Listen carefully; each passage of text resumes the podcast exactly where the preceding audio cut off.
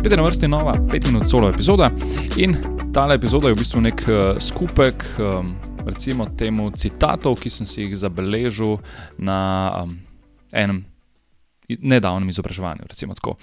In sicer um, na enem uh, izmed naših rednih tedenskih content klinik, ki jih imamo na, na um, Elementum Coaching inštitutu, sem bil pozoren na kakšne takšne dobre stavke, ki so bili izgovorjeni, ki so izgovorjeni, so bili kratko, mim grede med podajanjem vsebine, ampak eh, sem si zapisal, ker so zveneli dobro, pa so se mi zdeli taki močni stavki. In v bistvu je res zanimivo, da ko sem bil enkrat res pozoren na vse te um, izrečene, um, lahko bi temu rekel, kaj pa vem ali so to citati, um, ali pa mogoče bi lahko rekel, da so to tako kot tisti bumper stikeri, nalepke za na, na odbijač, take stvari sem iskal, ampak malo mogoče sem malo daljše citate našel. Um, ja, in nekaj sem si jih pač zapisal in se mi zdi um, prav in zanimivo, da jih predstavim tudi tukaj.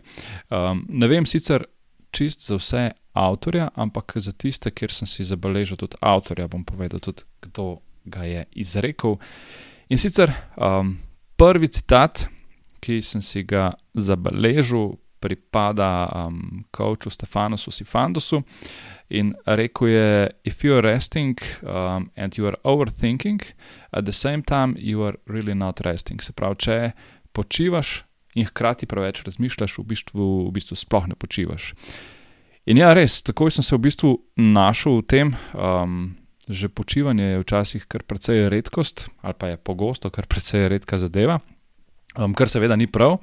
Um, ampak, ko pa že gremo enkrat počivati, uh, pa ne bo to, ne vem, ali je to recimo počivanje na kavču ali v posteli, ali gre za neko izi sprehod, karkoli je glava običajno polna misli in, in um, to v bistvu res ni počitek.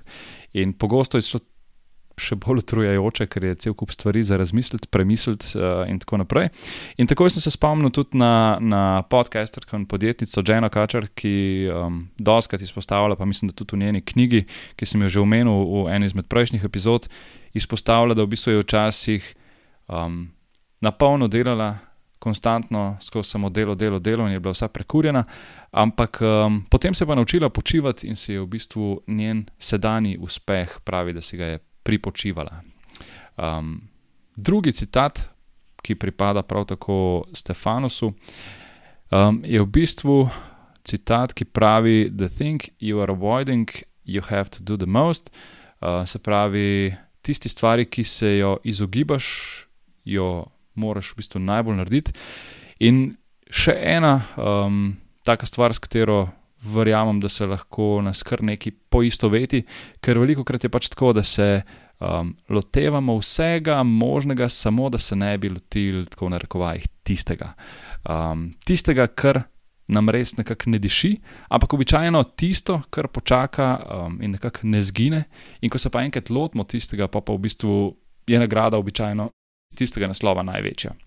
Se pravi, lahko govorimo o nagradi v smislu dobrega počutja, v smislu zadovoljstva, neke rasti, napredka, ampak običajno tako, da so stvari, ki si jih zelo, zelo izogibamo, ampak res tiste stvari so ponad tiste, kamor bi se mogli najprej in najbolj zakopati. Tretji citat pravi: I need to know things is an example of anxiousness, kar pomeni, da um, potreba potem, da vemo stvari, je v bistvu ena oblika anksioznosti in tam je res kar v bistvu zadev. Običajno um, vse čas raziskujem vse možne zadeve, preberem, um, če, kaj, če mi kaj ni jasno, takoj pogooglam in tako naprej. Um, in v bistvu se mi zdi dobro, če vem stvari. Ampak potem se lahko vprašam, zakaj. Čemu je res dobro, da vem veliko stvari? Zakaj je treba vsako stvar raziskati? Um, in ja, je tako zanimivo vprašanje. Če se najdeš v teh besedah, ti priporočam, da tudi sam oziroma sama raziščeš um, to temo, pa mogoče vidiš, zakaj. Naslednji citat, ki sem si ga zabeležil, pravi: Guilt comes up when we are doing something that is not aligned with who we need to be. Se pravi, um, krivda pride na plano takrat, ko um, delamo nekaj, kar ni nekako usklajeno s tem, kar bi moral biti. In ta se mi zdi pa res nekako tak. Um, ta pravi za nas, za generacije slovencev, ki smo bili nekako vzgojeni v tem duhu, da moramo biti pridni, um, potem pa naredimo nekaj, kar ni skladno z nekimi pričakovanji, ampak mogoče nam to celo zelo paše, ampak potem pride tisti občutek krivde. Um, naslednji citat, um, ta citat je pripadal Kristin Hasler, um, tudi kočenja, ki poučuje na tem inštitutu.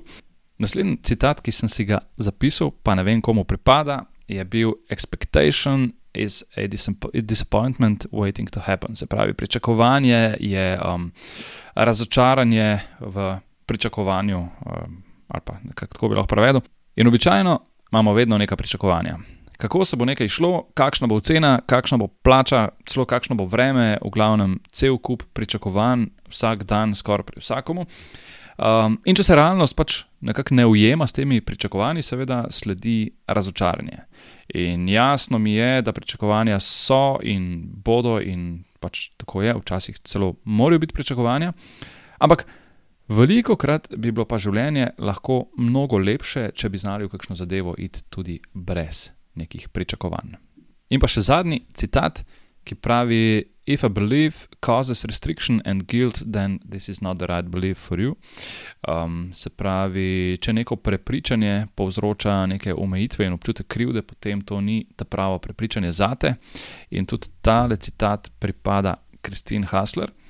Um, pa ga bom postavil v bistvu kar v nek isti kontekst, v katerem je bil uporabljen tudi tekom izobraževanja. In sicer debata je bila, kako lahko neka um, striktna, stroga verska vzgoja vpliva na razvoj seksualnosti. In uh, mogoče smo mi kot družba že nekoliko prerasli to, ampak um, vseeno mislim, da je zadeva še vedno precej prisotna.